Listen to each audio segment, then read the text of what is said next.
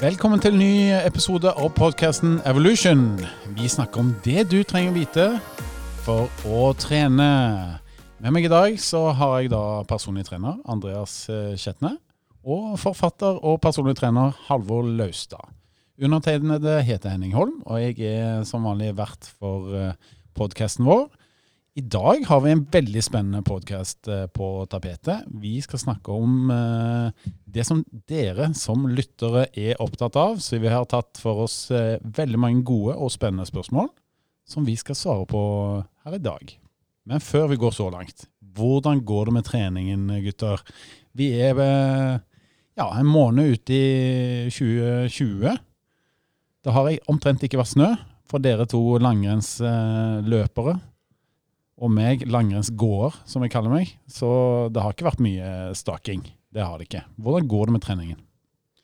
Jo, for min del så går syklinga bedre og bedre. Endelig. Uh, så har jeg litt framgang, men jeg sitter og trør inne. Mens uh, skigåinga går fra dårlig til ræva. Så jeg ble pissa på i Holmenkollen og i uka som var. Jeg vil si jeg ble vel egentlig bæsja på, for jeg var så dårlig i forhold til de andre at det var flaut. Så jeg gikk i et annet uh, navn for å skjule min deltakelse. Veldig bra. Okay. Men, eh, men, vi må jo si det til lytterne. Henning Holm har jo nå debutert som staker på ordentlig snø. Inne i skihallen på Lørenskog, som heter Snø, så eh, har unge Holm eh, gått seks runder staking. Mm. Med ganske god stil. Faktisk. Ja, og Halvor han, han, ga meg jo veldig god hjelp. Jeg hadde jo egentlig en sånn langrennstrener, følte jeg sjøl. Fikk gode tekniske tips.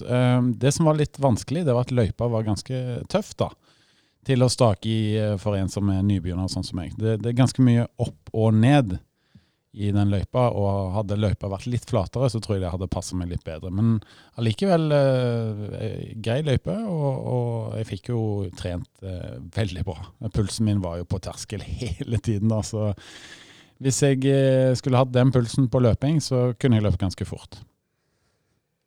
Jeg hørte jo noen rykter om at du var eh, skuffende god. Det var jo kjedelig for oss som hadde forhåpning om at det skulle være helt umulig for deg. Vi hadde jo ønska å se en Holm som eh, var komplett ubrukelig, men eh, han er faktisk ikke det. Han er selvfølgelig ikke god heller, men, men bedre enn eh, jeg hadde håpa. så når forventningene er lave, så, så, går det an å levere. Altså. Jeg tar med meg det. Du da, Andreas. Eh, hvordan har gått eh, treningen din eh, denne her første måneden av, av treningsåret? da?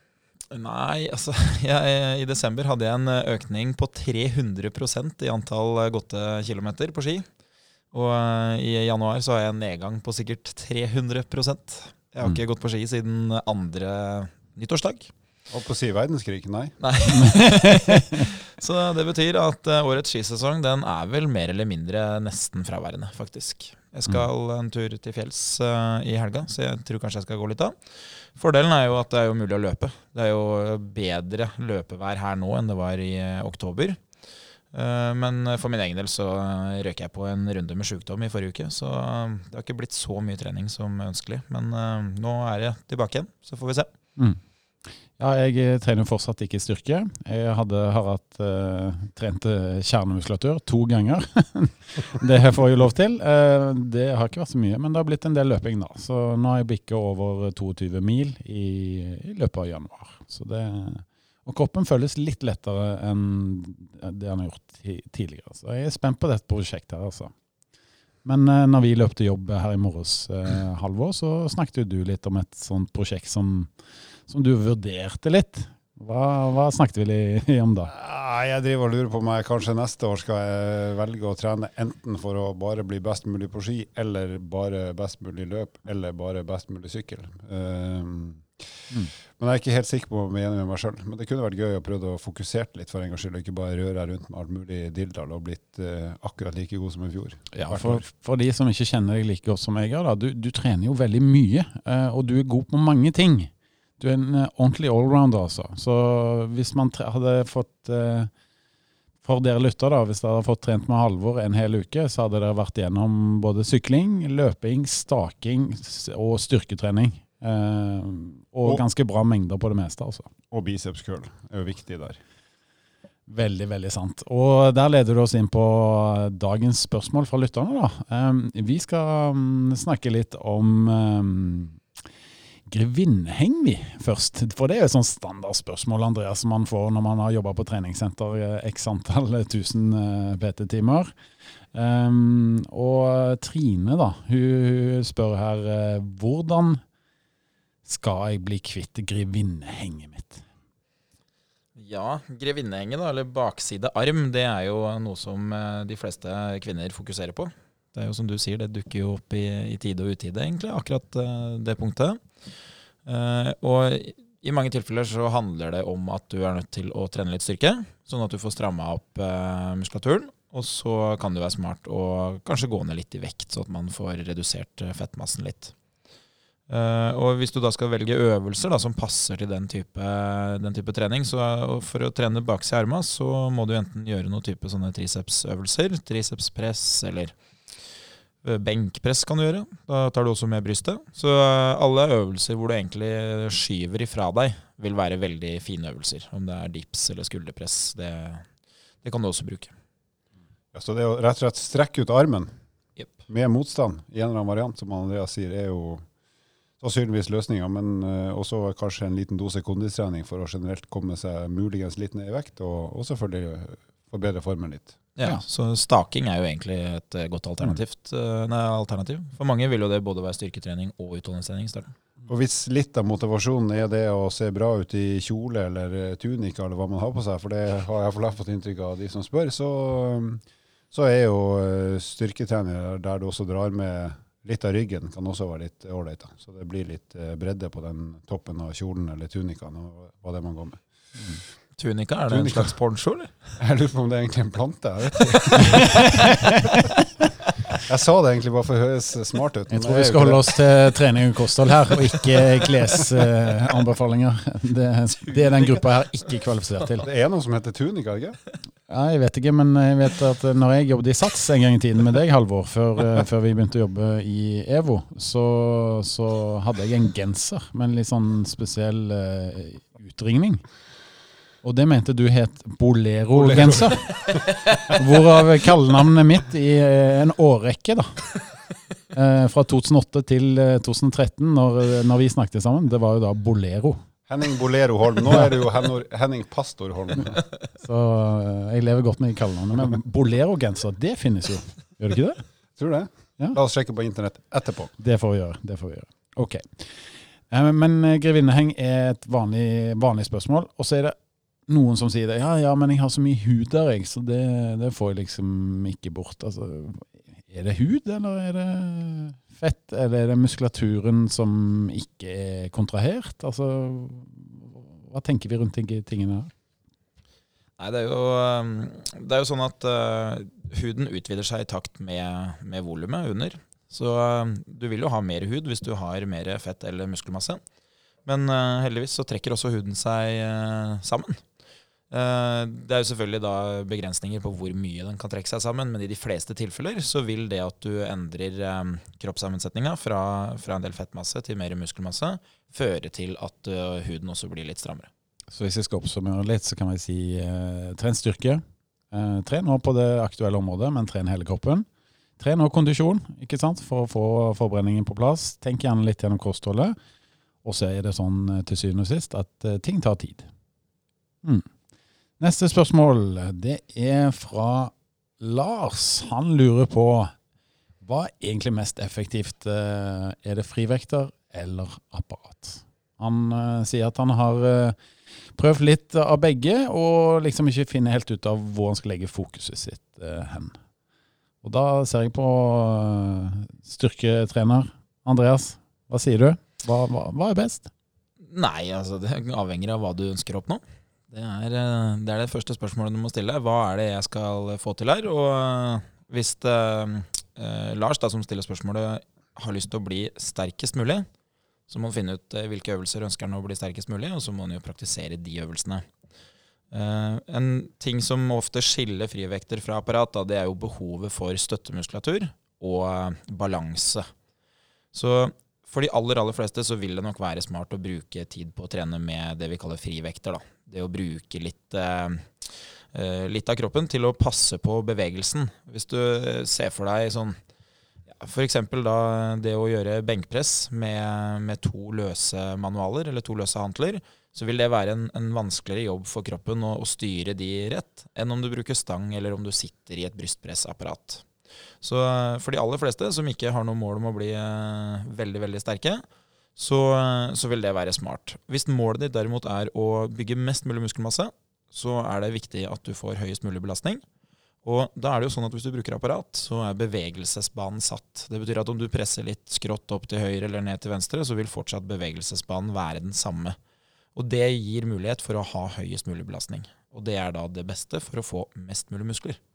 Så en sånn uh, artig ting da, som, som, man tenker over når man har kunnskapen, det er at på et treningssenter så er det ofte de som har behov for frivekter og balanse, som sitter i apparatene. Ofte voksne folk, litt eldre, de som ikke har trent så mye, som trenger eh, balansetreninga. De sitter i apparat. Mens eh, de gutta som eh, pumper jern, og som virkelig eh, har mål om størst mulig muskler, de trener med frivekter, men de burde i stor grad ha brukt apparat. Så det er en sånn artig digresjon. Men sånn, Hvis jeg tenker litt effektivitet i forhold til tid, som i hvert fall jeg sliter litt med at jeg har ikke så mye tid, så så går det også an å vurdere sånn jeg har lite tid til å trene styrke. Hvis jeg setter meg et apparat med et vektmagasin, så er det bare å sette seg ned og gunne på. Det er ikke så mye, jeg trenger ikke å hente noe vekt eller ordne ei stang eller noe som helst. Så det kan jo være en sånn et tidseffektivitetsargument er jo å, å, å, hive seg et apparat rett og slett for å få gjort unna en del ting på noen få minutter. Eh, der har jo jeg lært eh, noe, noe som, som mange trenere sikkert òg eh, tenke over etter at de jobber noen år. Og det er at man tenker ganske avansert som PT. da. Jeg må hele tiden finne på nye øvelser, komme noe nytt og krydre styrketreningen. Men Halvor han, han satte seg ned i brystpressen og så kjørte han 10-11-12 serier. Og da snakker jeg ikke om repetisjoner. Da snakker jeg om f.eks. 10 serier ganger 10 repetisjoner. Så det er 100 reps da, på et brystpressapparat. Og For mange så høres det sikkert veldig mye ut. Men eh, for dere som har trent litt styrke, og som legger litt i det, så når du trener en spesifikk muskelgruppe, så er det gjerne oppe på 10-12 serier, kanskje enda mer, i løpet av økt. Så det å gjøre alt dette her i én øvelse, det er kanskje litt monotont, litt kjedelig, men allikevel så gjør du nytten, da, hvis du har dårlig tid. Det gjør nytten, og hvis du er så kjedelig som meg, så er det ikke så farlig. Nei. Så jeg eh, kjørte jo hele 2019 så gjorde jeg det én gang i uken. Eh, noen uker to ganger i uken. Så kjørte jeg brystpressapparat. Ti serier ganger ti repetisjoner. Og jeg skal si det at jeg ble ganske mye sterkere i brystmuskulaturen. altså. Og Det er jo litt av grunnen til at du i hele 2020 ikke trenger å trene styrke. Det er for at den effekten kommer til å holde hele året. ja, hvis du regner da, ti repetisjoner eh, ganger ti serier, ikke sant? Hvor mye blir det? det blir 100 repetisjoner. 100 gode reps. Ja, og hvis du gjør det da i 52 uker, det blir ganske mye. altså. Så totalbelastning over tid det er veldig høy. Mm. Og det, sånn Oppsummeringsmessig her, det så Det man ofte ser på treningssenter, det er at uh, hvem som sa det, er viktigere enn hva som ble sagt. Så I mange tilfeller så bruker de som trener, mye tid på å gjøre ting som i utgangspunktet ikke er det smarteste basert på at de har sett andre gjøre det, eller har hørt med noen. Uh, og i det tilfellet her, da, om det er frivekter eller apparat, så er det sånn at for å bygge muskelmasse, så er tyngst mulig og høyest mulig uh, totalbelastning best mulig. Og det er ikke sikkert at det er det som ser kulest ut. Så fordi om det ser kult ut, så er det ikke sikkert at det er det beste. Og så er det jo sånn at hvis du som nybegynner eh, ikke har trent styrke før, så er det veldig fint å bruke apparater som en innlæring til styrketrening. For bevegelsesmønster er satt i et apparat. Og da, da lærer du kroppen din eh, å sette i gang med styrketrening, rett og slett. Det er veldig fint som steg én. Ja, og det er jo noe som eh, i hvert fall jeg har brukt mye i, i trening av mine, mine, kunder. Og det er Vi, vi ønsker f.eks. å kunne gå utfall, kjøre knebøy med stang. Men det kan hende at det er såpass tungt i starten at det å bare kjøre litt beinpress gjør at du blir sterk nok til å løfte kroppsvekta di. Og det frigir jo muligheten til å tenke på teknikk. Så av og til så er jo det å starte i apparat veldig, veldig fornuftig. For det gjør at du får styrka de musklene på en enkel måte. Supert. Da skal vi bevege oss eh, over til et uh, nytt uh, spørsmål. Og da er det ei dame som heter Margrete, som spør hvordan kan jeg brenne bort fettet på magen min. Og det er jo virkelig indrefileten av spørsmål eh, som vi får på, på treningssenteret, ikke sant. Um, og her har jeg lyst til å spørre den som har minst fett på magen av oss, da. Uh, og der er det tett konkurranse mellom dere to, men da velger jeg Halvor Laustad. Hvordan skal Margrethe få til dette her? Ja, der er jo det kjedelige og ærlige svaret at uh, kondisjonstrening er jo det som skal til for å forbrenne energi, kalorier og fett. Altså Det er jo samme sak, for så vidt. Uh, og situps, det funker ikke? Situps vil jo styrke magemusklene, som vi snakka om i stad, så det blir jo litt sånn oppbygging av litt muskulatur i mageregionen. Men, men, det er klart, når du forbrenner energi og fett, så vil jo kroppen bruke fett som energikilde fra, de, fra der det finnes. Og det er jo da primært lagra i hoftepartiet og i mageregionen for, for, de fleste damer, og primært magen for gutter. Så, så det å trene kondisjon, da vil du Du kan ikke si at ok, nå tok jeg bort et halvt kilo fett fra magen pga. at jeg gjorde ei økt eh, fire ganger i uka i en måned. Sånn er det jo ikke. Men, men eh, fettlagrene blir jo gradvis redusert av kondistrening, primært. Eh, men det er ikke sånn at du vil merke en enorm forskjell på noen få treningsøkter. Det er en sånn prosess som tar tid. Og da i sammenheng med at man ofte går ned i vekt. Så eh, jeg kan ikke love at det skjer underverker eh, på kort tid, men, men kondistrening der du skaper høy forbrenning og på sikt eh, går ned i vekt, så vil også magefettet reduseres. Mm. Ja, det, det, er jo et vanlig type spørsmål, dette her. Og jeg er jo veldig interessert i å, å høre fra den av oss tre som har flest PT-timer på gulvet nå om dagen, og det er jo da Andreas, eh, hvordan, hvilke råd gir du til dine kunder? Er det litt av samme gata som Halvor, eller eh, snakker dere om eh, noen tilleggsfaktorer? Nei, vi er nå inne på den kjedelige, kjedelige sannheten. Mm. Vi er det. Det som, det som, er viktig for meg, er jo å klargjøre hvilke effekter du får av de tingene du velger å bruke tid på. Og primært så må du jo få i deg færre kalorier enn det du bruker. Det er det er alfa og omega. Uh, og så er det jo dessverre sånn at du ikke kan velge hvor de uh, fettcellene skal bli mindre. Altså Du kan ikke si at nå ønsker jeg virkelig at det skal være magen. Men én ting som jeg pleier å si, som er, uh, som er liksom morsom fun fact, da, men, men, også litt tøft, er at hvis du legger voldsomt fokus på magetrening, og det er det mange som gjør, de har egen magedag Hvis du trener masse magemuskler, altså du, du, det er målet ditt, men ikke redusere fettmassen, så vil du jo i teorien få større mage. Mm. Det er jo ikke det man ønsker. De fleste ønsker jo en mindre mage. Du trene mer rygg, da. du må i hvert fall ikke trene mer rygg. Hvis du blir mer svai, så bare da Nei. Så, så, det jeg pleier å si, er at vi, vi kan gjerne ha fokuset på å trene mage, fordi magen skal uh, være med å stabilisere uh, overkroppen og underkroppen. Så hvis vi skal gjøre øvelser eller du skal gjøre vanlige aktiviteter i hverdagen, så er det en stor fordel at du limer sammen overkroppen og underkroppen bra. Men vi må ikke bruke opp tida vår på noe som forbrenner få kalorier, og som i utgangspunktet gir veldig lite effekt. Så prøv å få i deg mindre kalorier enn det du bruker, og bruk tida på å trene store muskelgrupper, og gjerne utholdenhet. Det er liksom det som er uh, key. Mm. Så Veldig godt spørsmål, og egentlig veldig gode svar. Men de, sannheten er ofte ganske kjedelig da, når det kommer til eh, disse konkrete tipsene som, om hva som skal til. Mm. Men eh, ja, nådeløst brutal, men ærlig. Ja. ja. Fint. Da har jeg eh, et spørsmål Et veldig godt spørsmål fra en som har egentlig bare et kallenavn når han har tatt kontakt med oss. Han kaller seg Dr. Love.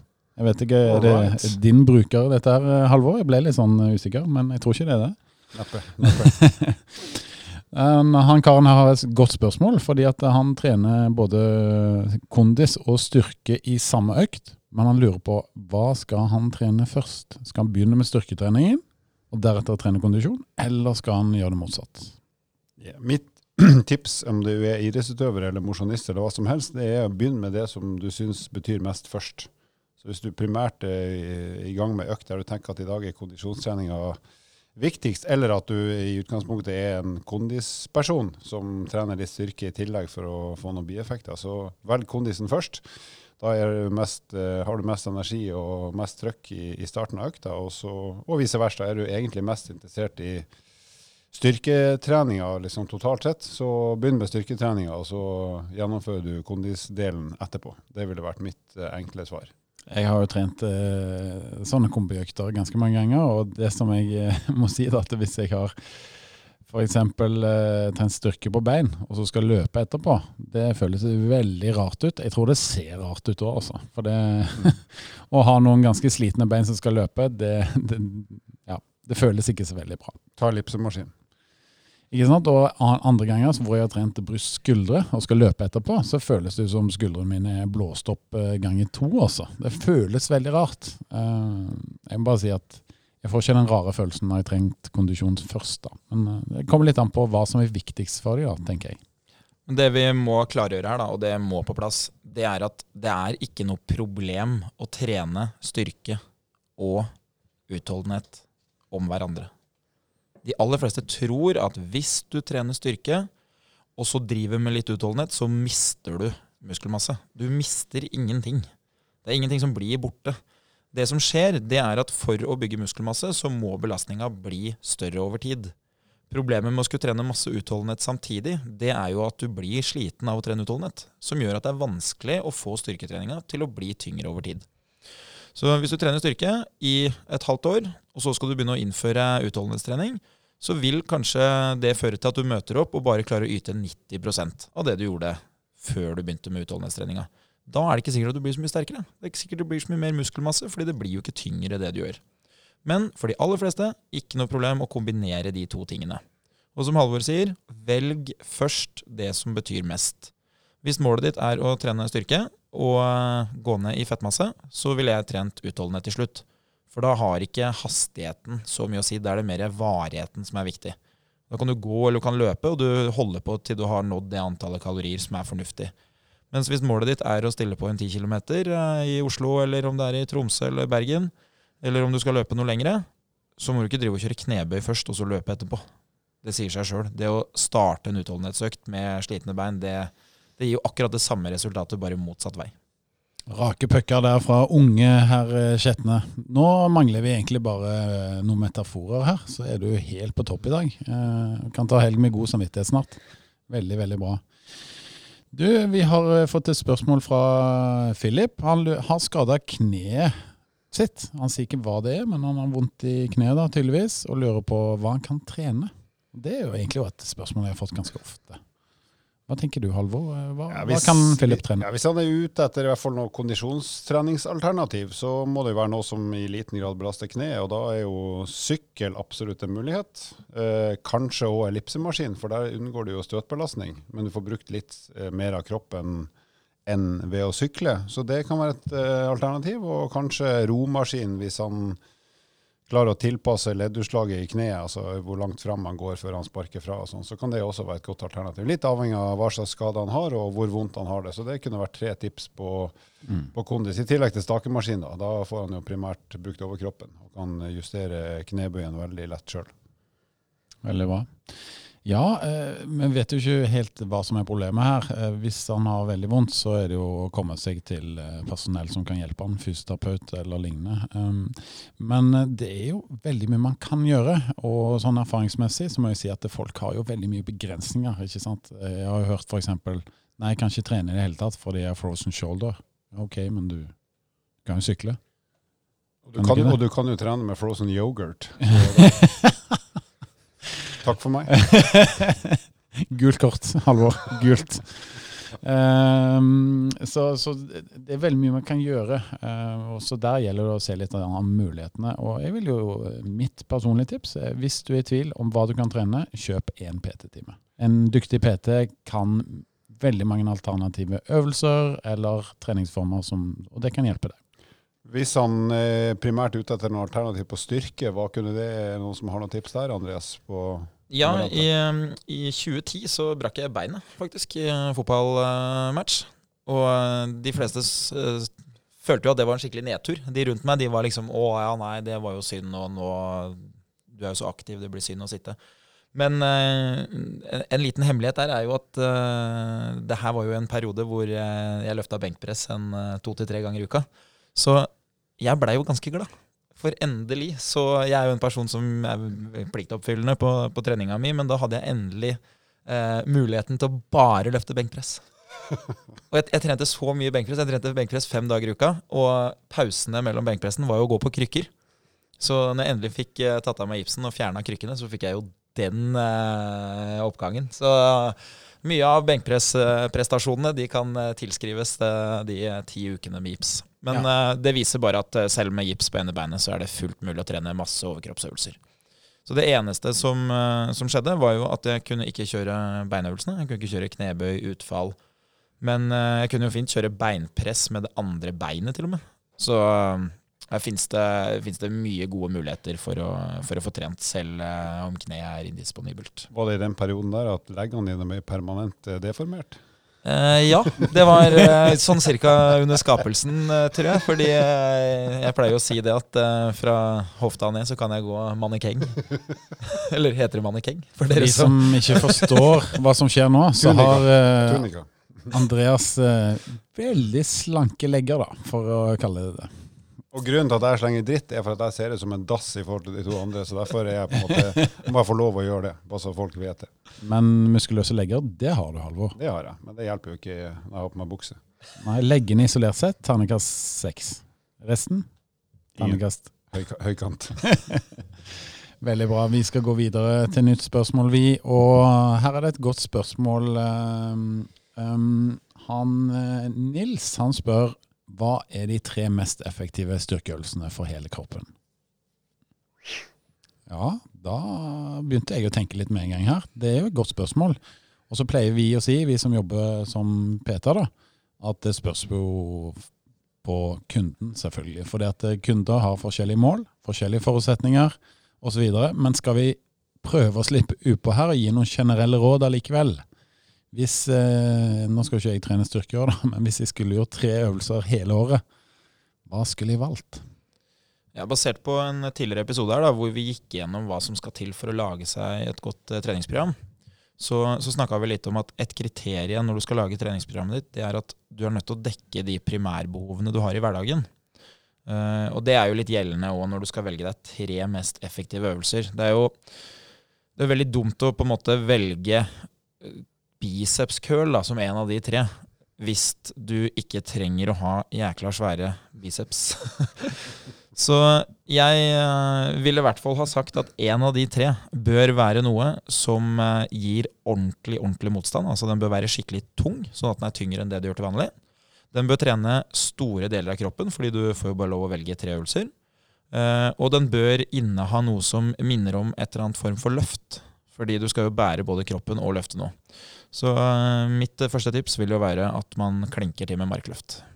Det ville jeg hatt i alle treningsprogram, egentlig. Ja, den står på min liste òg.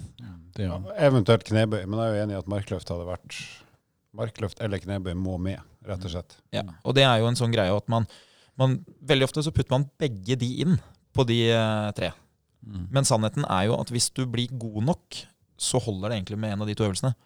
Hvis eh, markløften blir tung nok, så blir det mer enn nok jobb for låra, selv om eh, det ikke er veldig stor dybde i, eh, i eh, bevegelsen i kneleddet. Men det samme i knebøy. Du, hvis det blir tungt nok i knebøy, så blir det ganske stor jobb for, for ryggstrekerne, som skal holde overkroppen din rett.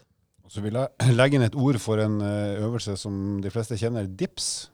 For der kan du jo variere litt på kroppsposisjonen og hvor mye du heller forover, bakover osv. Så, så der får du jo trent bakside arm, ganske mye skulder og også ganske mye bryst. Så det kan være en, eh, en, en øvelse for overkroppen der du faktisk får gjort ganske mye, selv om det, man tenker at det er jo bare bakside arm, men det er egentlig mye mer enn det. Så det kunne vært en variant. Det eneste som gjør at jeg er uenig Det er jo ikke lov å være uenig hvis du ikke har noe gode forslag, og det har jeg ikke. Men eh, det er at brystmuskelen er egentlig en ganske morsom muskel. Det er en veldig stor muskel i volum som ikke trengs til noen ting. Hva man skal med brystmusklene? Fotball- kul, skal jo se kul ut. Ja, ja, ja, altså jeg, Her har du en som har brukt eh, 20 år av livet sitt, eller i hvert fall 15 år av livet sitt, på å løfte benkpress. Så eh, for all del, jeg kaster stein i glasshus. Men, eh, men i utgangspunktet, med mindre du skal dytte masse biler opp av grøfta på vinteren, eller du skal gå på henda, så trengs ikke brystmuskelen i så stor grad. Eh, Den kan jo forbrenne litt, eh, litt kalorier, det kan gjøre, men eh, Nei, Forslaget kommer vel antageligvis fra at man tenker én bøy, én press og én trekk. Ja. Ikke sant? Det er jo et standardsvar i forhold til litteraturen, da, hvis Mm. du skal velge tre. Men det går an å argumentere for også at man tar eh, f.eks. én bøy og to forskjellige trekk. Mm. En horisontal og en vertikal. Mm. Det betyr f.eks. en nedtrekks- eller pullup-variant og en ro-variant, da, pluss eh, en bøy-variant. Det kan jo være at det kan være en gunstig måte å gjøre det på, men samtidig så er det noe med å jobbe litt i de store planene, da. Det, og det, de tre store er jo da, som jeg nevnte innledningsvis. Mm. Mm. Den store fordelen med å velge dips, da, eh, hvis man er sterk nok til å gjøre det, Mm. det er at du får aktivisert eh, ryggen til dels, fordi du er jo nødt til å holde deg oppe. Eh, og hvis du er god nok til å gjøre det, så, og legger deg godt frampå, så, så får du nesten flere fordeler enn om du hadde valgt pushups, f.eks., som Mm. trener mange av de samme muskelgruppene. Men en trekkøvelse må vi vel ha. Det er vi kanskje enige om. Um, bør han være en pullup-variant, eller må det være en ro- ro-variant? Eh, den ene er jo kanskje litt tøffere enn den andre. Pullup f.eks. med en kroppsvekt, den er ganske tøff. Men hvis du tar en ro-variant, så har det kanskje mer å si i forhold til holdning. Um, hva tenker dere? Nei, alt har jo fordeler og ulemper. Fordelen med å velge en ro-variant er jo at du får eh, kanskje litt bredere spekter av, eh, av muskulatur på ryggen. Eh, Baksiden er jo at man i, i mange tilfeller kanskje ikke er like sterk i en sånn eh, sittende eller stående rovariant som man hadde vært i en type nedtrekk eller pullup.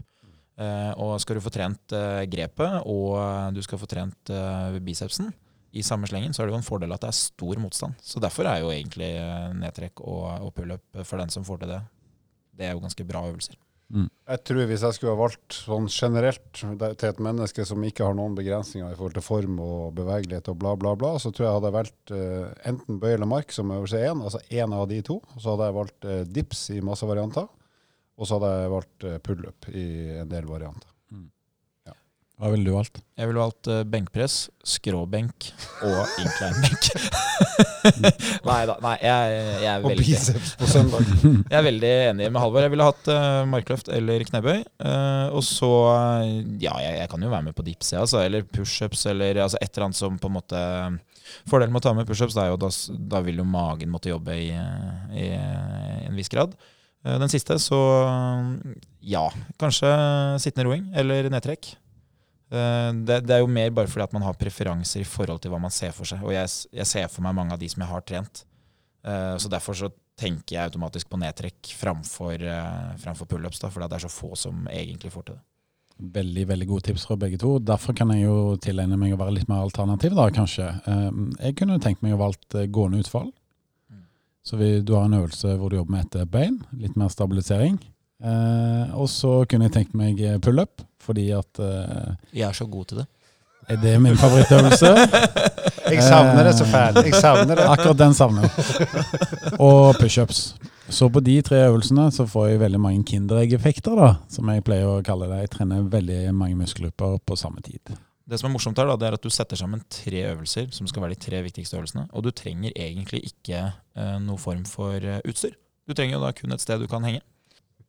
Veldig bra. Da skal vi gå til siste spørsmål. Og det er jo da ned i fettmasse, opp i muskelmasse samtidig. Er det mulig? Og er det egentlig det? Nå tror jeg mange lyttere tenker dette vil jeg veldig, veldig gjerne ha svar på. Ja, vet dere hva? For noen år siden hadde nesten alle sagt nei, men det går jo ikke. Du må nesten velge. Men eh, nå har jo heldigvis både forskning og praksis fra alle oss tre, og forskning på høyt nivå på univers universitetsnivå vist at det går faktisk an. Det går an å gå ned i vekt og opprettholde og til og med øke muskelmassen. Eh, noe som man egentlig mente var klink umulig før. Så eh, personlig har jeg jo gjort en del tester på folk som har gått ned ganske mange kilo, og enten klart å bevare eller til og med økt muskelmassen litt. Eh, og så kjenner jeg til studier gjort på Idrettshøgskolen der de også har sett folk i en vektreduksjonsfase som likevel har klart å øke muskelmassen ved hjelp av styrketrening og kalorirestriksjon. Ja, og det, det som må legges til her, da, det er jo et par, eh, par ytre faktorer som på en måte setter eh, rammene. Det er jo pri 1 utgangspunkt. Utgangspunkt er helt avgjørende. Eh, hvis du har trent null styrke, og du har ganske høy grad av fettmasse, Da har du et flott utgangspunkt for å få til begge deler. Da vil du ved å bare spise litt mindre mat, få i deg litt mindre energi, kunne gå ned i vekt. Og idet du tar i noe som helst apparat på et treningssenter, så vil muskulaturen din eh, måtte utvikle seg. Eh, de som vil ha problem med å gå ned i fettmasse og opp i muskelmasse, det er jo de som allerede har stor grad av muskelmasse, som de har eh, fortjent gjennom eh, stor innsats. Det betyr at det er vanskelig å skru opp eh, belastninga. Hvis du allerede trener styrke seks dager i uka, så er det fryktelig vanskelig å skulle få det til å bli så voldsomt mye mer. Uh, og hvis du da i tillegg har lav grad av eh, fettmasse, så er det kanskje et så stort underskudd av næring som må til at det, det blir vanskelig å trene i samme periode. Dette er jo kanskje den vanligste målsetningen vi møter på. Eh, folk kommer inn og ønsker å kjøpe PT-timer, og så sier de jeg vil ned i fettmasse og jeg ønsker å gå opp i muskelmasse. Og et lite sånn paradoks her, det vil jeg si er at eh, når eh, folk da begynner å ha et uh, treningsprogram som funker, trener med PT-en sin, um, og så gjør de en kroppsanalyse, uh, gjerne før de setter i gang, og deretter etter en stund, og så ser de gjerne da at de har mistet litt muskelmasse, men de har jo blitt sterkere allikevel. Men i vektreduksjon så har jo da denne her vektnedgangen dratt med seg bitte litt muskelmasse. Og da er det jo sånn at eh, yteevnen til muskulaturen har blitt bedre, men muskelmassen har blitt lavere. Og, og det er noe som jeg må forklare da for de, de som jeg eh, trener. Ja, for igjen, som vi snakka om i stad, så, så handler det jo om belastning. Og for en person som eh, Si at du har veid 100 kilo, da, og nå veier du plutselig 85 kilo. De 15 kiloene som du har båret på, som nå da i løpet av tida har blitt borte, det er veldig vanskelig å skulle komme etter med den belastninga. Du må trene ganske mye styrke for å gjøre opp for 15 kilo båret hver gang du har gått trapp, hver gang du har flytta på deg. Så, så derfor så, så vil det være ganske naturlig at man går ned i, eh, i muskelmasse. Eh, Og det som er viktig å forstå da, det er at det man ønsker å se på når man måler kroppssammensetning, det er kroppssammensetning. Det betyr at man skal ha en fin fordeling mellom fettmasse og muskelmasse. Og Derfor så er det ikke noe problem at muskelmassen blir lavere, hvis det er pga. et uh, større fravær av uh, fettmasse. Da. At man går ned i fettmasse, rett og slett. Men sånn oppsummert da, så kan du si at jo mindre styrke du har trent før du eventuelt skal prøve å gå ned i fettmasse og øke muskelmassen, jo lettere er det å ta vare på den muskelmassen du har, og sannsynligvis også kunne øke den, samtidig som det helt fint går an å gå ned i vekt. Mens jo mer muskelmasse du har i utgangspunktet, og jo lavere fettmasse du har, jo vanskeligere blir det. Og, og på et eller annet tidspunkt går det ikke an. For at det er rett og slett så Du har gjort en så god jobb med å bygge muskelmasse at, du, at uh, skal du gå ned i vekt, så går det på bekostning av den treningsinnsatsen du er i stand til å gjøre, og da, da er det nødt til å gå utover muskelmassen på et tidspunkt. Ja. Og jeg, mitt tips vil da være at uh, selv om det er vanskelig, og selv om det ikke alltid er gjennomførbart, det hender jo at man får muskelmasse eller går ned i vekt, så ville jeg alltid hatt fokus på begge deler samtidig.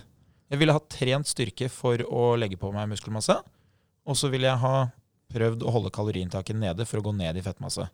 Fordi det som skjer da, det er jo i verste fall at du står stille i muskelmasse og går ned i vekt, som er kjempebra.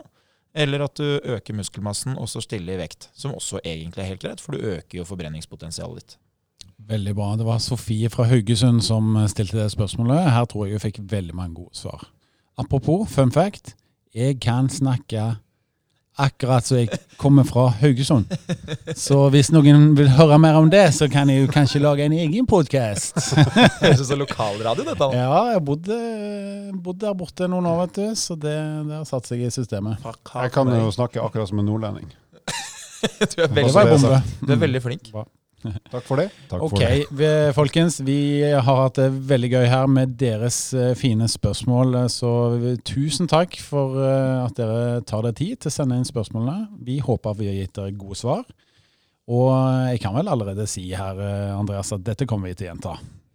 Helt klart. Det her, eh, det her er gøy. da. Det er jo morsomt å få så mange spørsmål, så det er jo noe vi setter pris på. Mm.